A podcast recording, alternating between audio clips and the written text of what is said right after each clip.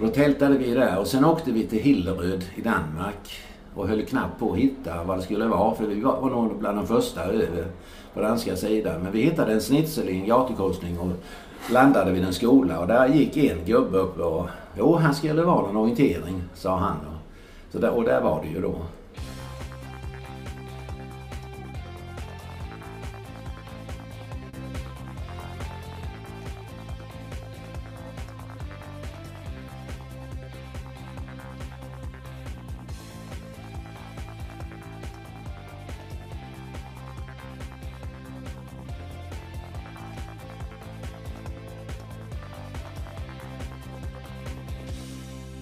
Hallå där och varmt välkomna till en ny utgåva av Radio O-ringen Podcast. Nummer 97 i ordningen.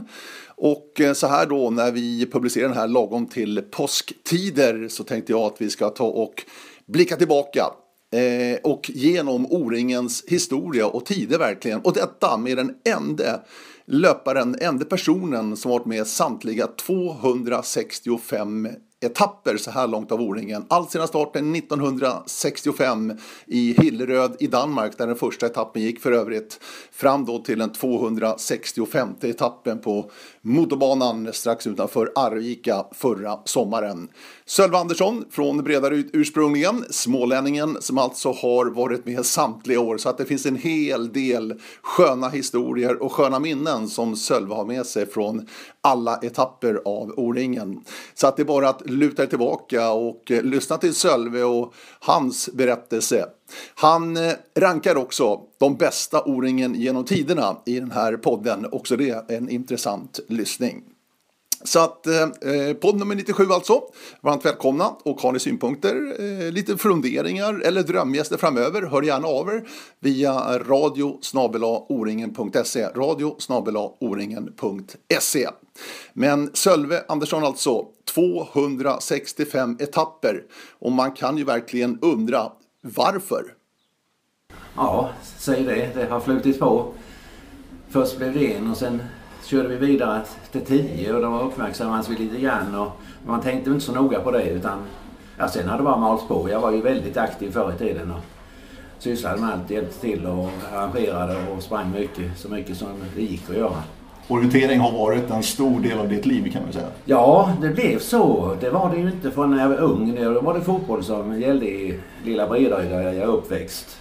Jag ville ju bli fotbollsspelare. Jag var ju alltid på A-lagets träningar i ur och skur. Sen kom morsan och sa nu ska orienteringsklubben ha nybörjarkurs. Det borde du gå på. Nej för fasen, det, det är inget för mig. Ja men du måste kunna kompassen när du ska in i det militära. Och den enkla gick jag på. Så jag var en bland 50 unga där som startade upp nybörjarkursen i, på hundratusendelskarta. Och vilse sprang vi men hem kom vi alltid på något sätt. Hur gammal var du då Salve? Då var jag, det var 61, jag var 13 år då. Så det, nu är de mycket yngre när de börjar. Mm. Och 1965, det var inte speciellt gammal, men hur, liksom, hur, hur gick det till när du upptäckte, eller att, att du bara anmälde dig till den här tävlingen? Som, ja. För på den tiden var ju liksom, fanns ju inget internet och sånt här, utan hur hittar man tävlingarna på den tiden? Ja, eh, jag var ju kompis med Åke Jakobsson som var ordförande i Svenska Orienteringsförbundet i många år och med i internationella förbundet ännu fler år tror jag. Han bodde i Gnosjö ett par mil hemifrån och vi umgicks ju mycket. Och han hade sett en notis i Idrottsbladet att det skulle ordnas något eh, femdagars. Framförallt för eliten men Åke var som jag nyfiken och han nästlades in och fick väl tag i P.O. Bengtsson tror jag, eller Sivan Nordström och ordnade. Och då vi var ju välkomna. Så vi var, Åke och jag och två andra grabbar från Bredared som kom med, halkade med på detta. Ja, just det. Och, eh, alltså ta oss tillbaka till 1965, den första upplagan då av fem dagar som det hette. Ja. Hur, hur, hur var det liksom? Det var jätte... Ni började ju i Danmark utav alla ställen. Ja, det var jättekul. Ja, vi började faktiskt i Simlångsdalen, jag tror det var på söndagen. Då tältade vi där och sen åkte vi till Hilleröd i Danmark och höll knappt på att hitta vad det skulle vara för vi var nog bland de första över på danska sidan. Men vi hittade en snitsel i en gatukorsning och landade vid en skola och där gick en gubbe upp och jo han skulle vara en orientering sa han. Och, så där, och där var det ju då. Och där sprang vi på någon eh, svartvit backstreckskarta, vill jag minnas. Just det. 17 år var du då. Ja. Vad sprang du för klass på den tiden? Vad var det för klassindelning eh, liksom? det fanns fyra klasser. Det var en damklass och tre seniorklasser, A, B och C. Och ja, det var ju eliten liksom. Och B snäppet under, bra juniorer. Och C sprang skiten så att säga, resten. Det var juniorer, pojkar och och yngre och äldre oldboys och några veteraner. Hur gick det där i Danmark killar, första etappen? Kommer du ihåg Det, ja, det gick väl rätt bra. Jag tror jag blev eh, 11 på etappen. Vi var väl nog en eh, 60-70 i min klass tror jag. Tänk ändå att den första etappen år 1965, av de här 265 som har genomförts, det är den enda som har gått utomlands. Ja, det är det. Det är rätt fascinerande. Ja, väldigt unikt. Så, så det, när de ska ha sista gången så får de väl ha finalen i Danmark. Jag tror att det blir den sista gången. Det, ja, förr eller senare blir det nog det. Du tror det? Ja, det tror jag. Ja. Men ta oss vidare, den här första upplagan då. 100, runt 170 stycken, hur många var det? 100? Ja, det borde Totalt sett alltså? borde jag ju kunna. Jag tror det var runt 165 eller 168 någonting. Det försvann ju en del startkort för PO och SIV var med i hanteringen. Eh, Men jag, det är lite osäker på den siffran där. Mm. Och det fanns ju ingen centralort redan här första året, utan hur, hur, hur, liksom, hur, hur löste ni den här logistiken med Ja. bo och så här? Efter Danmark så stack vi direkt över till Sverige och då åkte vi till Frostavallen i Hör. För där skulle ju de tre följande etapperna gå runt Hör. Så då tältade vi där. Mm. Och sen var det Blekinge också. Ja, sista i Karlsnäsgården i Blekinge. Mm. Och då åkte vi ju, jag kommer inte ihåg, vi låg nog i Hör och åkte över till Blekinge sen. För det gick ju på kvällarna. Ja, det var kvällarna. Ja, visst. Just det. det var ju som en större träningsorientering. Vad var känslan, det kan vara svårt för dig nu Sölve kanske att minnas tillbaka så, men vad var känslan när ni åkte därifrån att det här kan nog bli någonting? Kände ni det eller pratades det om någonting på, så- Nej, på det, det sättet? hade vi inga som helst tankar om. Det var ju inget bestämt liksom om det skulle bli någon fortsättning. Det var ingen som visste någonting. Men P.O. han är ju energisk utav tusan och han malde ju vidare på detta. Och fick ju då kontakt med Småland, Hakanspojkarna framförallt. Och, så då blev vi ju 66 runt Huskvarna. Men den här tiden då, 17 år var du, då hade du inte gjort din militärtjänstgöring än då. Nej, Eh, Men du var väldigt aktiv alltså, du sprang mycket tävlingar Oh, ja. och orientering, det var Ja. det som gällde. det var det som gällde. Så du var biten ganska snabbt ändå när du väl kom Ja. in i sporten. Ja, det fanns ju inte så mycket tävlingar då i början på 60-talet. Sen var det gulsotstoppet året efter 62, mitt andra år. Så jag sprang först en höst och sen en höst igen. Men sen eh, det gick rätt bra för mig också. Jag kom rätt snabbt in i det. Så man, eh, junior var jag ju rätt så skaplig. Jag lyckades inte. Vi var sexa på SM-kabeln en gång. Och jag vann Sydsvenska mästerskapet som yngre junior. Men jag har aldrig vunnit något DM. För Småland har varit tuff konkurrens. Skulle du säga att du har varit elitlöpare någon gång under din karriär? Nej, jag sprang i H21 Elit då, de första 21-22 där men jag var inte så, jag, jag räckte inte till där liksom.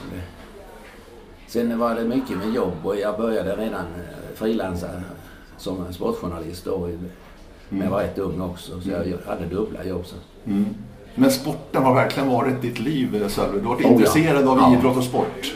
Ett liv utan sport vore helt meningslöst. Ja, jag håller med dig. och du gillar också statistik och, och liksom Ja. ha koll på läget. Ja, oh ja. Så att vad det gäller ditt, ditt deltagande på fem dagar som du gärna vill kalla det, inte O-ringen som jag Ja, kallar jag tycker det är bra namn, fem dagar. Ja, vi kanske kan återkomma till det. Men hur som helst, du har allt sparat i Ja. pärmar, eh, kartor, hur du har sprungit, resultat. Ja, jag är en väldig ekorre. Samlar på allt. Ja, det gör det. Ja, jag ska köpa, det har jag planerat flera år, köpa en eh, större friggebod och göra som ett eh, museum. Nu har jag riktat in mig på fem dagar framförallt. Nu har jag börjat samla på en massa vykort. Och där har jag fått in en 300-400 tror jag. Och eh, klubbnålar är ett annat intresse. Där har jag också en 700 nu men där finns plats för dubbelt så många. Och då är det orienteringsklubbar. Ja, Det är liksom inget annat. Utan jo då, jag har andra klubbar. Man vill jag ha nog 3-4 tusen tänker jag. Men vykort, görs det vykort nu för tiden? Nej, det är dåligt med det. Men förr gjordes det. Ja, det minns också. varje etapp hade vykort. Det är synd. Det finns väldigt lite souvenirer nu. Det är bara t-shirtar och handdukar. Visst var det så också att de hade specialstämplar också under vissa år va? visst. De var väldigt attraktiva. Förstår det. Ja. För det som samlare också är det ännu speciellare Ja, kanske. oh, ja. Ja, häftigt. ja. Du, eh, 65, ta oss tillbaka. Hur, hur gick det till alltså för oss yngre och de som är ännu yngre än vad du och jag är? Alltså, hur var det liksom en orienteringstävling på den tiden? Försök att beskriva. Jag kommer knappt ihåg det. Men vi fick, jag tror inte vi fick banan inritad. Jag, Fick ni göra det själva? Jag tror vi gjorde det. Ja, det tror jag också. Ja, För så var det på den tiden. ja, man kan ju se i den här boken. Det, de kartorna är ju från min samling. Det syns nog om jag har ritat in det själv eller om det... Ja, just det. Det är alltså från, här, från vision till folkfest som Anders Ja. Hansson skrev då inför eh, 50-årsupplagan Exakt. eh, 2014. Ja. Eh, här i Skåne, vi sitter i Hässleholm förresten, på Hässleholmsgården, Sölve och jag. Eh, och den här är ju fantastisk om man liksom bläddrar igenom här. Det är ju år för år och du har också plockat fram ett minne från varje år. Eh, något speciellt sådär. Så att vi, vi ska inte gå igenom varje år Sölve, det, det tror jag inte vi hinner med riktigt. Men vi ska plocka fram den första i alla fall. Här har du den så får du lite friskar upp ditt minne också lite grann från den första upplagan Jaha. 1965. 65, men det är inte första etappen. Nej, nej. Det är etapp fyra, ja. Men det syns att det, det jag ritat in i kontrollerna själv. Ja. Och kartskalan är på den tiden, Ja, vad var det? är det 50 000 del eller 25 000 del? Ja, en bra, Någonting fråga. sånt, va? bra fråga. För den här borta på andra sidan där. Där är Danmark, ja. Ja, Just det. och det där känns som en eh, backstreckskarta nästan. Ja, visst. Oh, ja. Ja, det kommer jag inte ihåg nu. Den där bilden på Sven Andersson, den har jag tagit. Ja, ja det, det, det förstår jag. Jag kan inte minnas allting. Men, Ja. men när du åkte därifrån, kände du dig nöjd liksom med veckan? Var, var det här liksom kul grej? Ja, oh ja. Vi hade ju fullföljt och tagit mig runt. Jag var fyra på en etapp. Det var väl det bästa. Sen jag tror jag blev 13 sammanlagt. Och Åke, min kompis, han blev ju tvåa. Han fick stryk i spurten. Så vi fick ju blodad tand för det här. Så när vi hörde sen att det skulle fortsätta så var vi ju snabba med att anmäla oss. Då kom det ju nästan 700 1966. Ja, det vart ju ett rejält uppsving Ja. redan andra året. Vad beror det på? Jag menar, när du kommer hem och snackar med dina kompisar och sådär. Då snackar du om fem dagar så att det var kul grej liksom. Och så Ja. Det spred sig den, den, på det, Det, var, det sättet. det gick eh, från mun till mun liksom. Det skrevs ju inte mycket. Jag vet, eh, vi var ju tre från Bredög och Åke. Och så var det Mats Nord, vår elitlöpare, men han eh, kamperade inte ihop med oss. Han blev ju tre, fyra blev han i A-klassen. Och det var en notis på 10 centimeter hög, en, en spalt i, i lokaltidningen hemma. Men ta oss till 66 då, året efter, den andra upplagan i eh, Jönköping Husqvarna. Ja, Med IK Hagsburken då som eh, huvudarrangör. ja. Kändes som att det har tagit ett tydligt kliv också, att det blir mer, mer på riktigt. Ja, det var ju betydligt proffsigare och mer välordnat. Man visste inte mycket i första upplagan vart man skulle ta vägen utan det var ju en fråga som fram mycket. Men här var det lite klarare direktiv och alla växte med uppgiften. Och 600 personer på den tiden, det var en stor tävling. Det var stort. ja. Ja. Hur bodde ni då? Då, ja, vi tältade. Det gjorde jag i många år i början. Det var det enda som gällde. Lå- eh, Hotell hade vi inte råd med. Det fanns ju inte. Det var ju hårt underlag i skolan kanske. Men tält gick ju bra. Proffsigare säger du, på vilket sätt menar du då? Alltså själva tävlingen? Ja, själva servicen och startprocedur och hela, hela köret. Det var 66. Ja. 67 då? Mot, Var är vi då någonstans? då är vi, landar vi i Motala. Östergötland? Ja, vid Varamobaden ut med Vättern. Där var ju ordnat då lite seot. Ja, och här, hur många blev det här nu då? Nu måste vi kolla. 2000 var det nu. Ja. Redan här alltså, Ja. 1967. Så det, det var en snöboll som verkligen Ja. rullade ordentligt Oh ja, oh för eh, fem dagar i början. Visst. Och här på bilderna kan vi se också att, nu finns media med på ett annat sätt också. Sveriges Radio är ute till Ja. exempel. Visst. Ja, det blev mer och mer hela tiden va. Och här var det centralort säger du? Ja, Mer, vid Varamobaden då? Varamobaden. Det klassiska badet. det har jag för mig att det var. Det stod liksom i inbjudan att det, det var centralorten. Vi bodde där också. Kartorna blir De- också bättre och De bättre. blev bättre och bättre. Hur många var ni nu då? Det här gänget som du berättar om 1965, då ni är fyra. Är det fortfarande ni fyra som eh, kör fem dagar tillsammans eller? Nej, vi som åkte dit, nej det var bara jag och Åke. Och här då 67, då, hade, då låg vi i lumpen både Åke och jag. I, på I15 i Borås. Det var första året det var idrottspluton. Så vi sökte ju, det blev i all hast. Jag skulle egentligen till K vara i Karlskrona för idrottens skull. Men så dök det upp om idrottsplutoner. Och jag skickade in och ansökte om det och blev antagen. Så det var bara en månad varsel där som man stack man till Borås. Så då var vi där och där fick vi ju ledigt för vi var ju en 10-12 orienterare i Borås. Så det var inga problem att få fritt och springa fem dagar. Tack vare att du låg på en idrottspluton? Ja, visst. Så var det inga problem att få permission? Nej, vi, helger och så det fick vi ju alltid fritt. Vi hade ingen helgtjänstgöring. Men däremot kvällstjänsten nästan varenda förbaskade kväll. ja, just det. 67, hur gick det för dig här i eh, Östergötland Sölve? Varierat. Jag minns att jag hade en fruktansvärt dålig etapp. Jag tror det var den första och sen gick jag väldigt bra på andra. Jag blev runt 40 eller någonting i äldre juniorer Mm. Och det var en ganska stor klass då, 40 plats. Ja, vi var väl en 150 eh, tänkte ja, jag. Ja. Och här, du har ju gjort en liten, ett litet citat här för varje år från dig Sölve. Och här är det just kartorna du lyfter fram då från mm. 67. Ja. Att det hände mycket här. Visst. Den utvecklingen. Hur viktigt är det tror du för orienteringen i stort? Ja, det, nu är vi ju så bortskämda så nu måste vi ju ha kanonkartor. Annat, det, det finns inget som existerar annars. Nej. Eh, 2000 deltagare 1967, alltså Östergötland, Motala och Varanbaden. Sen 68 var det ju Västergötland. Ja. Eh, och eh, Borås då. Borås, ja. Var du fortfarande inkallad då? Hade du fortfarande... Då hade jag muckat. Ja. ja, jag låg inne 11 månader så jag muckade i maj. Så där, där tältade jag bakom Ryavallen minns jag, på en liten gräsplätt. Och här är det 3250. Men 69 kommer till Dalarna och ja. då händer det någonting för att ja. då blir det nästan en explosion. Visst. Vad, vad beror det på tror du? För här är det alltså nästan 6000 deltagare mm. 1969. Dalarna är ju ett fantastiskt landskap. Oerhört fin terräng. Bra klubbar.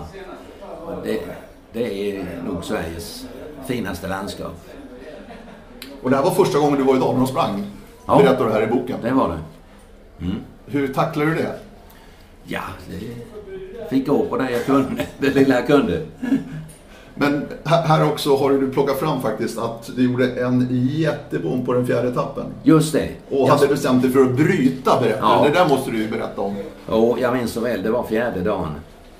Jag låg rätt hyfsat till, runt 10-12 någonting i en av H21A-klasserna.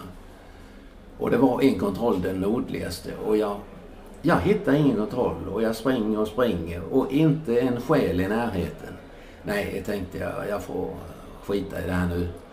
Så jag tänkte jag får ta mig åt mål. Jag trodde ju att det var åt ett visst håll och sprang åt det hållet och helt plötsligt står det en kontroll framför mig. Och jag kollar kodsiffran. Jo då, det var ju min kontroll. Och sen var det ju bara att ta de andra, de låg ju på hemvägen också. Så, det, så därför blev jag godkänd den gången med. Det blev inte något brutet lopp. Har det varit, inte bara fem dagars då, O-ringen för dig att inte bryta, utan har det varit liksom att nu ska man ta sig runt en bana? Ja, det, jag, jag har brutit väldigt mycket andra tävlingar. Ja. Det har jag. Jag blev förbannad om jag missade då. och gick hem bara. Men här kände du också att du vill inte bryta för att du varit med alla gånger redan ja, här? Och nej, det, de tankarna hade jag ju inte då. Nej, jag det var ju det. femte upplagan. Mm. Det, det fanns inte. Nej. Men eh, man hade varit iväg hela veckan då och då. Då kan man ju lika väl ta runt. Mm. Vi hade ju lika nära att ta kontrollerna som att gå rakt till mål. Mm. Vid det här läget, kommer du ihåg det? 69, det är alltså den femte upplagan då ju. Var det redan då ni var inte så många som varit med alla gånger redan då, eller har du något minne Nej, det, det har ju inget snack om sådant. Nej. Nej. Nej. Det kom ju först när det var tio år. Ah, Okej, okay. ja. ja. Just det. Men Dalarna eh, tog verkligen fem dagars in till eh, de stora massornas tävling verkligen. Ja, För nu kommer familjer komma också kan jag tänka mig. Oh ja. Och det var ju landskapet i sig som eh, lockade mycket folk också. Och det var ett jävligt bra arrangemang. Ja, här är en bild också över eh, centralorten då. Ja, visst. Eh, Romehed var det Romehed. Ja, mm.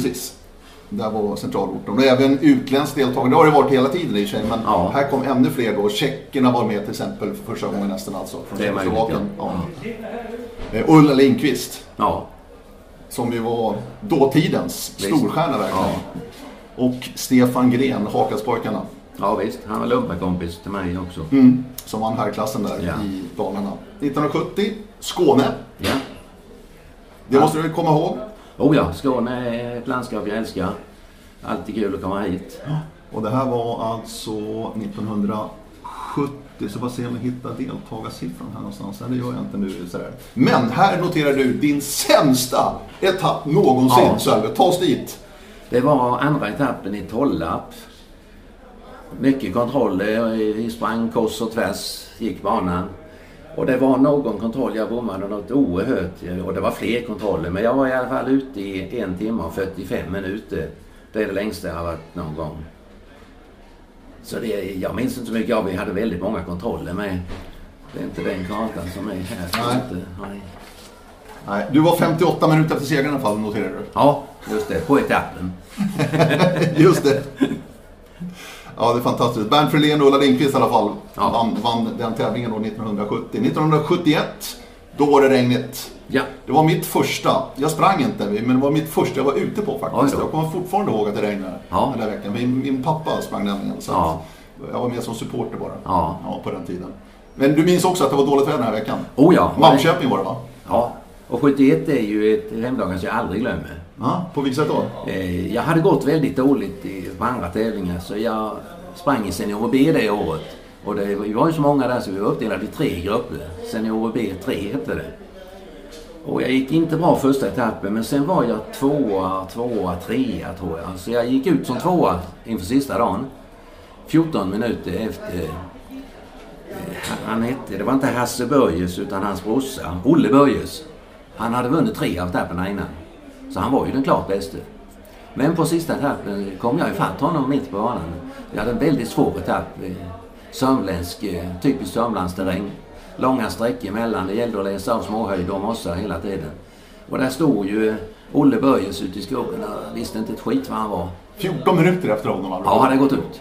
Ja, eh, jag har ju alltid varit ärlig så jag förklarade för honom vi är inte framme vid kontrollen än. Jag är på väg dit. Jag sa jag tror vi är här någonstans. Men han litade inte på mig.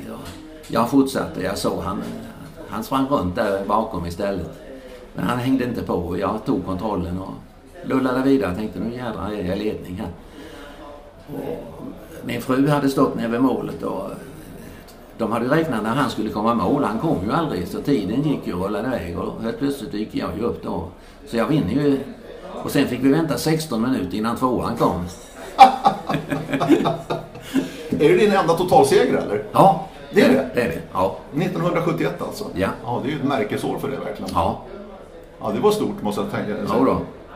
Seniorer B hette klassen? Ja. Eller B2 eller B3 då? Ja, seniorer stycken. B3. Ja, just det. I Malmköping 1971 alltså. Ja. Eh, och det här är alltså 8627 deltagare. Ja. Hasse Aurell vann förresten här klassen och Ulla Lindqvist vann återigen damklassen. Ja, hon vann väl sju eller åtta i rad. Ja, precis. 72 är mitt första O-ringen någonsin Ja. som jag sprang. Eh, I H12 fanns det fanns ju ingen H10 på den tiden. Nej. Eh, och det var, det var ren, rena kompasssträckor kan jag säga. Det var inga ledstångsbanor på den tiden i H12. Nej, nej, nej. Eh, och här regnade det också, i alla fall i början av veckan minns jag. Ja, det gjorde det nog. I Småland, Ja. 1972.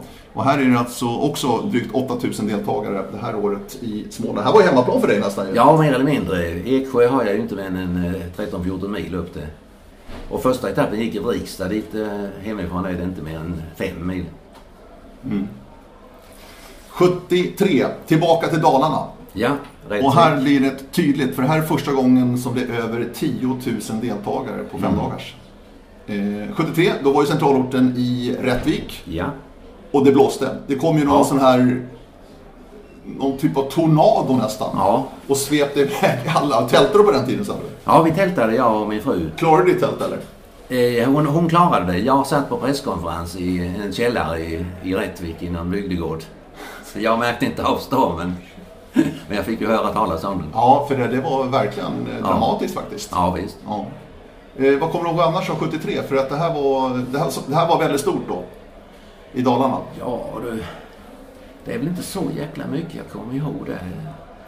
Av mina lopp minns jag i nuläget inte ett skit men... Nej, det gör inte det? Ja, då får jag titta på kartorna och så. Det. Men det var ju som vanligt typiskt fin eh, dalaterräng. Ja, så var det ju. Ja. Så var det ju. Eh, 74, Skåne igen då. Och återigen över 10 000 deltagare. Ja, då var det ju tio, tioårsjubileum. Mm. Ja, just det. Tionde gången var det. Precis. Ja. Och då uppmärksammades du lite grann att du varit med alla tio, eller? Ja, det, då var vi ju tydligen tre som hade sprungit alla. Det var bara tre redan där Ja, alltså. de hittade nog inte fler. KG Henriksson, Sven Sven. Olofsson och du Sölve Andersson. Ja. Och ni tre var alltså med då. eh, Ja, ni var ju med från början, Ja. men det var bara ni tre redan här alltså? Ja, jag vill minnas det. ja, ja. ja. Ja. Det var ingen av de som har sprungit 8-9 gånger. Mm. Och vi fick ju ett standard då utav O-ringen. Det står O-ringens femdagars på det. Men det fick ju även Torsten Tegnér som var med då i början också som start. Och några andra eldsjälar, vilka minns jag inte. Men det var väl sen det började. Sen växte ju femdagars också och Mm. det blev något som alla orienterare skulle vara med på. Mm. Mm. Det var ju årets höjdpunkt. Och för dig blev det liksom ett måste att vara med i och med att du varit med hela vägen här på något sätt, eller? Ja, det malde på liksom. Jag var ju så aktiv och då hade jag börjat bli ungdomsledare i klubben där hemma med och fick ta med sig ungarna och ta hand om dem. Eh, som sagt var, civilt har du arbetat som sportjournalist en hel del. Ja, jag gick över. Jag var industriarbetare först och sen var jag på en gummifabrik i tio. Men runt I Gislaved kanske? Nej, Forsheda. Forsheda? Ja. Där finns också en gummifabrik alltså? Ja, visst. Ja. Oh, ja, den var jättestor. Vi var 700 anställda på Oj, den oj, tiden. oj. Ja. Och sen eh, blev det en tjänst ledig på Värnamo Nyheter på sporten. Då Ja. hade jag frilansat i många år där och de undrade om jag ville komma dit. Och det gjorde jag. Då. Det var ju 1980. Okej. Och vad har, du, vad har du skrivit om i ditt yrkesliv som sportjournalist? Vad har du bevakat? Är det lokala idrotten framför Ja, det är lokalt. Det är ju mindre landsortstidningar jag har varit vid. Och orienteringen har varit en del av ditt jobb? Ja, oh ja. Det var ju på den vägen det började. Jag började ju ra- rapportera från några tävlingar vi var ute på. Och under O-ringen, det är ett eldorado för en sportjournalist då, lokalt. Ja. Det är mycket att ta hand om. Oj, oj, oj. Det blir långa dagar om du också då har sprungit alla som vi vet. Mm. Och sen också jobbat väldigt, väldigt många. Ja. Och förr i tiden var det ju helt annat än nu. Då hjälpte vi ju andra tidningar också. Jag kunde ju ha fyra, fem tidningar. Och då stod man och läste in resultaten eh, på telefon. Läste in i en bandspelare som en dam hemma på redaktionen sen satt och skrev av. Så det var ju ett fruktansvärt jobb. Mm. Det tog ju tid att läsa in alla resultat för vi körde ju med alla som hade tagits i mål. Men du skrev också artiklar. Ja, oh ja. Eh, Är det något speciellt du kommer ihåg liksom, från den sidan, den journalistiska sidan, så från, från just fem dagars O-ringen som du har fått skriva hem om som har känt att åh, det, här, det här var en kul grej liksom? Nej, det är väl inget jag som klickar fram sådär på direkt. Eller. Det- har malts på. Det har varit jävligt mycket jobb. Och, Ja, det blir det va? ja, jag tror inte det är någon som har skrivit mer från fem dagar sedan jag. Nej. Det undrar jag. Ja. Hur, hur, hur liksom attackerade du dina arbetsdagar? Hade du en plan på vilka du skulle prata med idag? Liksom, Ja. Vad du ville göra? Ja, ja. Du måste ändå ha en plan. Man hade ju startlistorna så man visste ju eh, alla, alla starttider. Så man hade ju koll på när de var ute. Och sen fick man gå och kolla på resultatlistorna. Det hängdes ju upp och sen leta upp dem i, ute i folkvimlet och snacka med dem lite. Den taktiken har jag alltid haft. Jag har inte varit så mycket i, i presstältet liksom precis vid målet utan jag har gått och letat upp folket där ute. Pratat med dem i lugn och ro. Och så har du haft ett eget tävlande också. Ja, Tävlande slash deltagande. visst. Eh, också att ta hänsyn till. Har, har du begärt få specialstarttider för att kunna hantera jobbet också? Eller? Nej, det har inte behövts nu. Det övergick ju sen till fri starttid. Det var ju väldigt bra också. Det enda gången jag har haft specialtid, det var ju 1983 när vi arrangerade. Då var jag ju presschef. Jag var ju en av grundarna till det hela också. Eh, Då ville jag ju springa och fick dispens. Så jag sprang ju för Bredahus SOK. Det var i första året i H35. Så jag sprang H35A kort tror jag. Och jag startade först varje dag. Utom Mm. sista, då körde jag jaktstarten för då, då var jag så aktieseglad så jag påverkade inte Mm. topp, toppstriden eller något. Jaktstarten har ju varit en del av eh, femdagars allt sedan 1965. Ja. Hur viktig har den varit tror du? För, för, för tävlingen? Att få den här avslutningen på det sättet? Jag vet när jag sprang i, i B-klasserna då, 80 och 90-talet och in på 2000-talet. Då hade vi ju jaktstart där med. Och var, man träffade på de här, det var ju en, man hade alltid som mål då att komma bland de 15 bästa och få en ny nummerlapp. Och vara med i det där draget. Och vi var ju vissa gubbar som träffades där många gånger. Och då, man, varenda gång man såg dem hela året så var det sista etappen där. Vi stressade upp varandra lite grann. På tal om nummerlappar, har du sparat dem också? jajamensan. Allihopa? Ja, men nu hade vi ju inte nummerlapp i början. Det var så? Okej. Ja, jag kommer inte ihåg första nummerlappen. Det var nog i Dalarna skulle jag tro som hade det. Men sen var det nog paus något år kanske. Men de har du kvar alltså? De finns ja.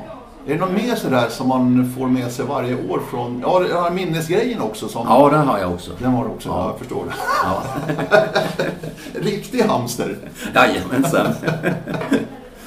Värre ändå. Ja, vi tar oss vidare. 75, Stockholm vart ju en liten dipp rent deltagarmässigt. Ja. Där många trodde tvärtom att Stockholm skulle locka, men det gjorde det inte alls. Nej, jag tror många var skrajsna. Alla vi lantisar tar sig till Stockholm. Nej, fy sjutton. Det, det, det klarar vi inte. Vi hittar inte. Och, och vi var väl skrämda med. Vi ordnade, vi bodde i en klubbstuga som Djurgården hade eh, ute i buschen. Var någonstans minns jag inte ett skit. Så vi var aldrig inne i, i centrum. Nej, okej. Nej, det passade vi oss för. Nej, för det vart en riktig dipp där faktiskt Ja, med Stockholm. visst. Eh, det var ett fantastiskt väder den här veckan. Ja. Det var varmt. Visst. Eh, centralorten förresten på Ribbysskolan i Västerhaninge. Ja, vi var ju där runt Haninge, där utåt. Så. Ja. Det var ju inga långa avstånd till etapperna vill jag minnas. Nej. Jag vill bara nämna det för att det är min högstadieskola där jag har ja. gått. Och min Ja. pappa var rektor under Och gick det bra 30 för år. det året? Nej, jag, sprang, jag fick inte springa. Alltså. Vi fick inte springa. Nej, nej. Det var, det var no-no, ett big no-no. Så att, eh, jag sprang inte 75. 76, Värmland. Eh, och då kommer en annan debatt som också faktiskt följer sen lite grann med 77 Gotland. Mm. Det här med naturen, vi är gäster. Älgarna var det framförallt på 76 Ja. i Värmland. Vad, vad minns du av den händelsen? Jag minns ju bara, det var väl någon älg som eh, blev stressad och sprang ut för ett stup och slog ihjäl sig helt enkelt. Och det vart riktigt stora rubriker, framförallt Oj. i de stora tidningarna. Ja. Eh, orienteringen tog ganska illa vid av det här. ja det, då var det illa. Eh, och det här fick också till följd att vi då inom orienteringen var tvungna att ta hänsyn och titta på det här med hur ska vi hantera, hur, alltså hur djuren också, Ja, eh, så att vi inte stressar upp dem. nej, Eh, så att det här var en riktig väckarklocka faktiskt visst var det för orienteringssporten. Och 77 då så var det ju Gotland, Ja, eh, vilket jag tyckte var riktigt trevligt. mycket trevligt. Ja. Synd att inte det återkommer dit. Nej. Men där var det också en stor debatt efteråt. Det var väl Sven Snogerup, vill jag minnas. Ja, han var Eh, involverad. Han var involverad, precis. Eh, Att det har blivit så mycket eh, spår Ja, efter orienterarna då. vi hade ju sprungit ner med blomster och gudet Ja, så det var en jättestor debatt om det här. Men den la sig sen för att i de facto så blir ju faktiskt, mår ju naturen bra där egentligen. Alltså. Visst. Vi Så- gjorde ju en bra tjänst där ute. Ja, så det var en icke-debatt egentligen i slutändan. Ja. Vad minns du av Gotland förresten annars? Ja du. Det året. Du har också naturdiskussioner här som ditt lilla citat Ja, från det här visst året. det har jag. Det är det. Nej, det var ju klurig orientering. Ja. Man var ju inte van vid det. Lätt att springa för fort och man Ja. fick vara väldigt noggrann. Ja. Sigurd Ärli och Lisa Weilander vann där i alla fall på Gotland 1977. Eh, Västergötland 78 eh, kommer jag ihåg väldigt väl för att då vann jag min första etapp någonsin. Oj då. I O-ringens sammanhang, Ja. femdagarssammanhang. Eh, här var ju stort också. Vi var ju, eh, det här var ju innan faktiskt Bert Karlsson hade byggt sitt sommarland. Ja. Vi var ju vid Axevalla travbana. Ja. Eh, och här var det stort. Mm. 78. Jag måste titta hur många deltagare det var. Det var alltså över 15 000 nu. Mm. Över 15 000. 78. Och här, Sölve. Jag minns att det var otroligt långt att gå till startplatsen Ja. har du noterat. Ja, visst. Vad, vad, vad? Jag tror det var fem kilometer ibland. ja, vi gick runt hela stora byarna. Ja. Det var för att lo- lotsa in dem, så att säga. Ja. Ja, Det fanns ingen gräns för hur långt vi kunde gå. Nej, jag inte. du- Nu för tiden vet jag att de verkligen tänker på det här. Att Ja. verkligen försöka hålla ner start, eh, avstånd Visst. start. För det är många Ja. som är kritiska när det blir för långt. Mm. Eh, och här var långt på den här tiden. Eh, 79. Nystart. För här var det ju så att eh, Närke och Örebro fick ju hoppa in här på något sätt. Ja, det har du nog rätt i. Ja, eh, jag vet Rolf Gunnarsson var ju väldigt drivande Ja, här i eh, Almbyledare verkligen som har gjort så mycket stort för orientering Ja. verkligen. Eh, och fick in en annan kommersialism också i O-ringen. För här var det svårt att hitta en arrangör. Efter då Stockholm va, så började ju många dra öronen åt sig. Ja. Eh, Att det var svårt att hitta arrangörer. Men sen var ju 78 och 79 var ju väldigt fina årgångar med mycket folk. Ja. Men 79 då här i Närke, eh, över 15 000 också. Eh, och här är du inne på en annan sak också som är intressant med det femdagars Det var långt till startplatserna. Men Ja. också väldigt långa upplopp har det varit. Det var grymt det. Man är ju alltid skitslut när man kommer till sista och sen springa inför publikhav där i en kilometer kanske på någon raksträcka. Det var ju ingen höjdare. Nej, nej. Nej, men det var lite nystart för fem dagar sedan. Eh, och ett anmälningsstopp fanns också på den här tiden. Eh, 80 då, eh, som krockade med OS i Moskva 1980. Ja. Eh, men det spelar inte så stor roll för fem dagars tror jag. Nej då. Nej då. Nej. Och, Det upp, hade ingen betydelse. och här i Uppland är vi över 16 000. Och just det, då sprang förbi Rospiggarnas hemmaarena i speedway. Ja, du, det Hallstavik. kommer jag ihåg. Ja, det är sköna bilder också i den här boken. Det ser jag verkligen, om ni inte har läst den här och kikat i den, Från vision till folkfest, alltså Anders Hansson. Det är väldigt kul. Det står inte sådär jättemycket om varje, varje år, men ändå tillräckligt. 1981, deltagarrekord och stortrivsel. Eh, Långa bilkö noterar du här. Ja, det var det väl första dagen där. Mm, det stämmer. Ja. Absolut. Eh, det jag minns av eh, 1981, det var att eh, Jörgen Mårtensson och flera OL i OS-tröjorna, kommer du ihåg dem? Nej. Det gör jag. Ja. Ja, det gör jag väldigt, väldigt Jag börjar bli gammal. Ja, ja, det är möjligt. Här är det alltså över 20 000 deltagare. Det var ju ett eh, rekord som eh, Ja. ingen trodde skulle slås. Nej. Nej, det var riktigt, riktigt stort. Eh, Hälsingland. 82 är ju speciellt. Ja. Med Norrbotten. Norrbotten, ja. Ja. Det är enda gången jag flugit till femdagars. ja, det är så. Ja. Just det. Så då tog vi en hyrbil upp i Luleå. Mm. För det behövdes, för det var långa bilavstånd där. Ja, det var långa avstånd däremellan. Men det var ju värt. Vi var ju eh, uppe mot polcirkeln där i Vollerim. Visst, Den fanta- etappen var ju, fantastiska ja, ja, det var ju helt fantastisk den etappen uppe i Vollerim. Och här är ju kartan också för den Ja. Mm. etappen förresten. I den här boken. Det här blev ju sista året. som man fick ta bilen till, eh, till Ja, etappen. just det. För sen året efter då är du ju hemma hos dig. Ja, 1983 som du var inne på tidigare. och vi har ju alltid varit duktiga på att arrangera och hitta på nya grejer där Mm. i västra Småland. Ja. Så då blev det bussning. Jag kommer ihåg den diskussionen, debatten någonting om det här med bussningen. Ja, det var det ju väl en hel del också. Man kan säga om Norrbotten där, de Ja. var ju först, då var ju datan, kom ju in, eh, Tekniska högskolan där. Ja, det hade ju varit datan år, de körde ju något nytt program som... Det var väl klubblottning också då första gången? kan det ha Ja, varit det, det? var det kanske. Ja, jag, jag, ska, Ja. jag ska inte säga det tvärsäkert alltså, men det är inte omöjligt. Nej. Men 83 då hade vi bussning. Och första etappen, vi hade ju centralorten i Anderstorp och första etappen gick i Smålands Stenar. Det var ju inte mer än en tre, tre mil ner till det. Men helt plötsligt så eh, någon gång där på förmiddagen då stannade det av helt och hållet. Alla bussar stannade. För de eh, skulle ha rast, busschaufförerna. Det var ju inget eh, vi arrangörer hade tänkt på eller orienterade överhuvudtaget. Ja. Men det, men det fick ju lösa sig på något vis. De fick väl igång dem igen. Så, så de körde vidare. För folk hade ju tid att passa. Ja, för här var det ju väldigt stort. 24 603 anmälda. Ja, Eh, och det var ju Anderstorp, det var ju vid eh, Race... Eh, Scandinavian Raceway. Raceway heter det, precis. Där ju gick Formel 1-lopp också. Ja, gick ett par gånger. Fyra, fem stycken. Ja. Eh, Håkan Eriksson, Annika Kringstad minns i alla fall, vann den här upplagan av eh, Femdagarsdagen 1983. Och du var ju med när arrangörsklubbarna fick alltså dispens för att springa. Ja, Det var förresten Lennart Karlberg, generalsekreteraren Ja. på Svenska Orienteringsförbundet på den tiden, som gav klartecken. han beviljade. Det gick så högt upp alltså.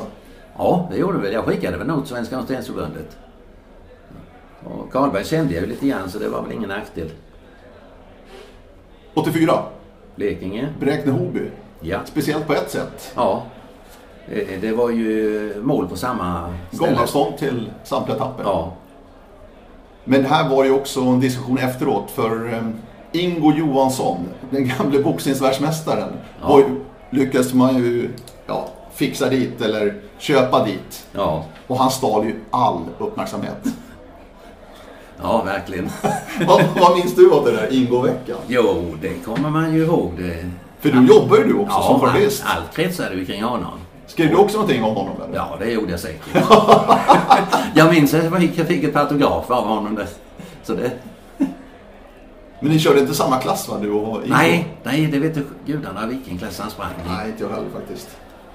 Jag sprang ju en HT, jag tror han sprang någon nybörjarklass. Ja, nej, det var... Eh, presschefen Ove Persson stod ett överlägset i antalet pressreleaser har du noterat. Visst. Nej, Ingo tog ju allt det där. Vi kan ju notera i alla fall Kent Olsson då eh, på hemmaplan i Blekinge. Orion och Karin Gunnarsson. Stora Tuna vann huvudklasserna där i Blekinge. 85 är det Dalarna och det här är ju eh, rekordet då som vi Ja. såg så länge och väl. Ja, Eh, ifrån Falun och Lugnet.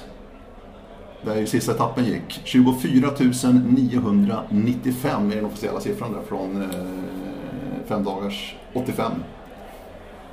Det är Dalarna ofta hör du alltså. De, Ja. Det lockar. det lockar. Det gör det. Och det rekordet kommer nog aldrig att slås. Det tror jag inte. Det har varit uppe liknande siffror de senaste gångerna i Dalarna. Men alltså på den tiden sprang alla fem dagars. Hur många gör det nu? Mm. Det är hälften ungefär. Nu för tiden använder man ju en annan, annat räknesätt också. Man räknar ju antalet starter. Ja, visst. Eh, och är man över 100 000 så är det en väldigt bra vecka. Ja. Eh, brukar ligga mellan 90 och 105 000 och där Mm. nu för tiden.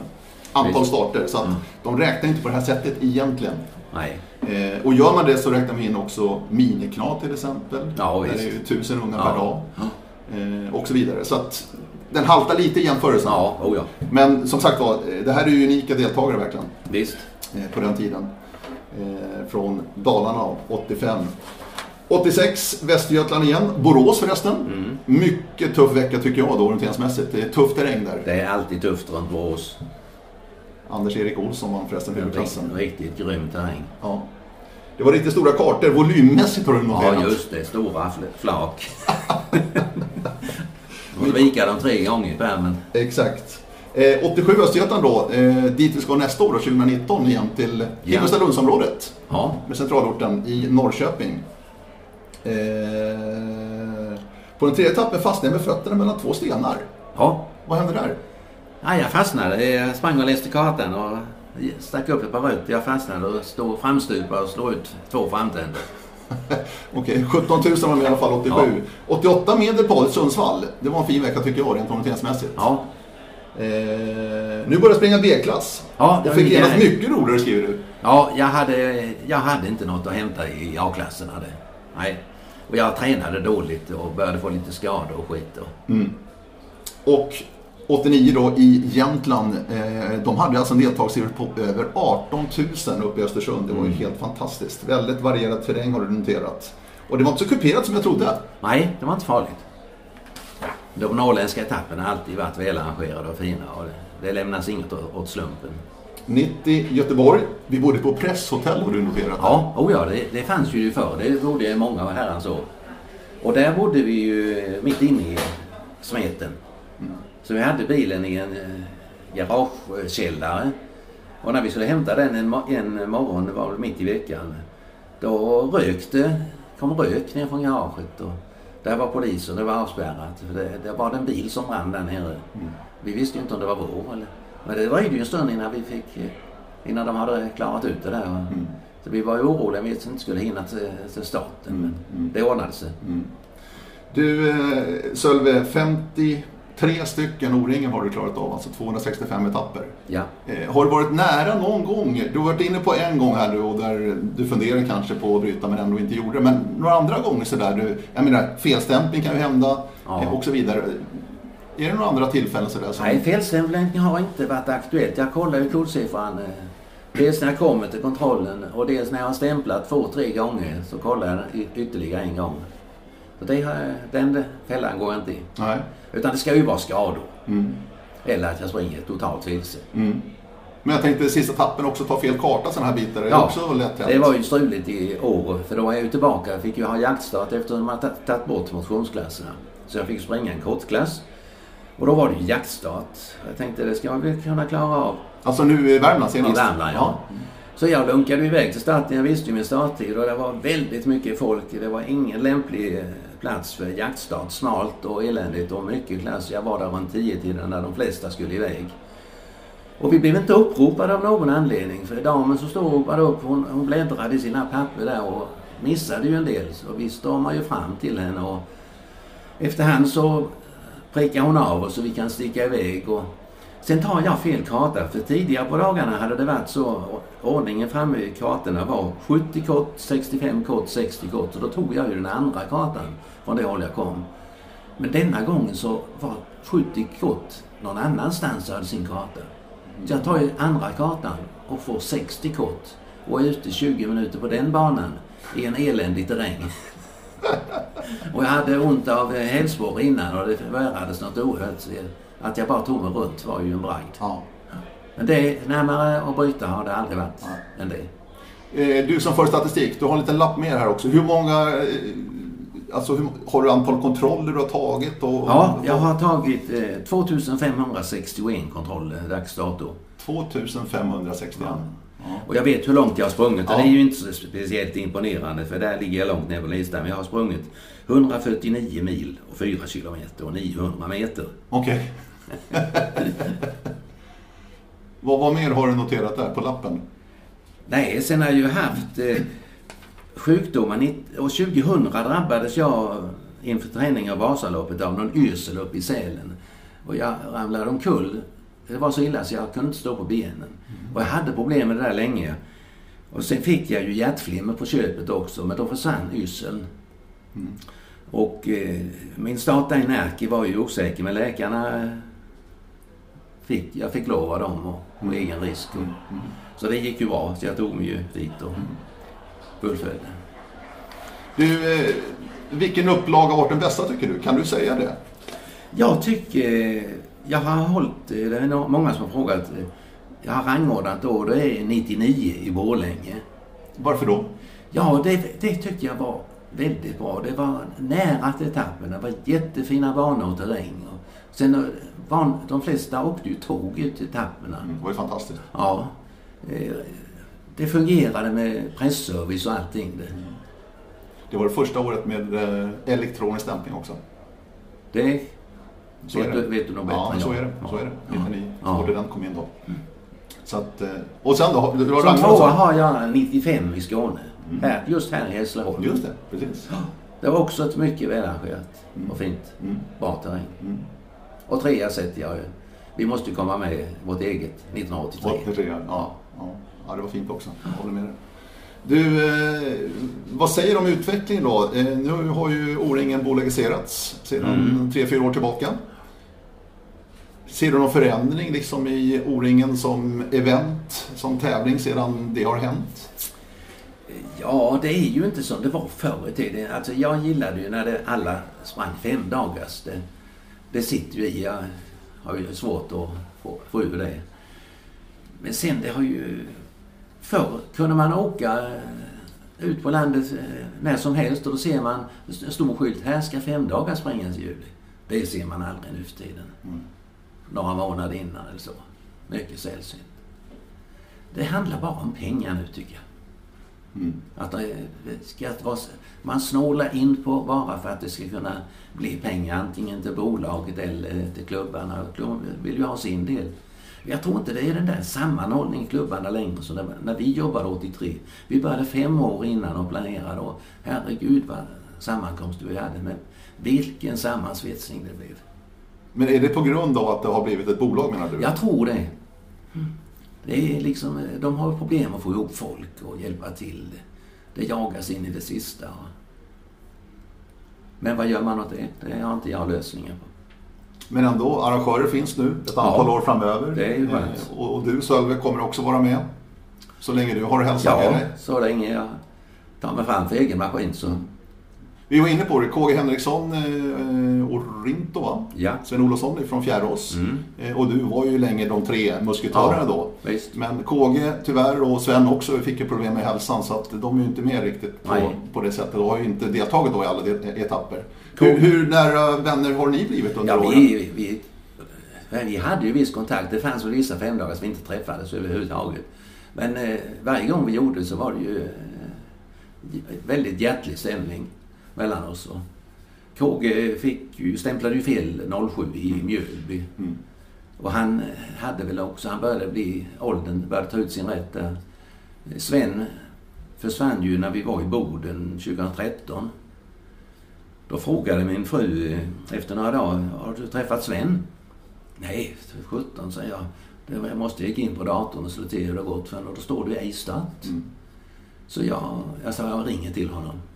Jo då, hans fru svarade och han kom till telefonen. Och då hade han, dagen innan han skulle resa upp, flyga upp till Boden, hade han klippt gräsmattan i en slänt och vridit till ryggen.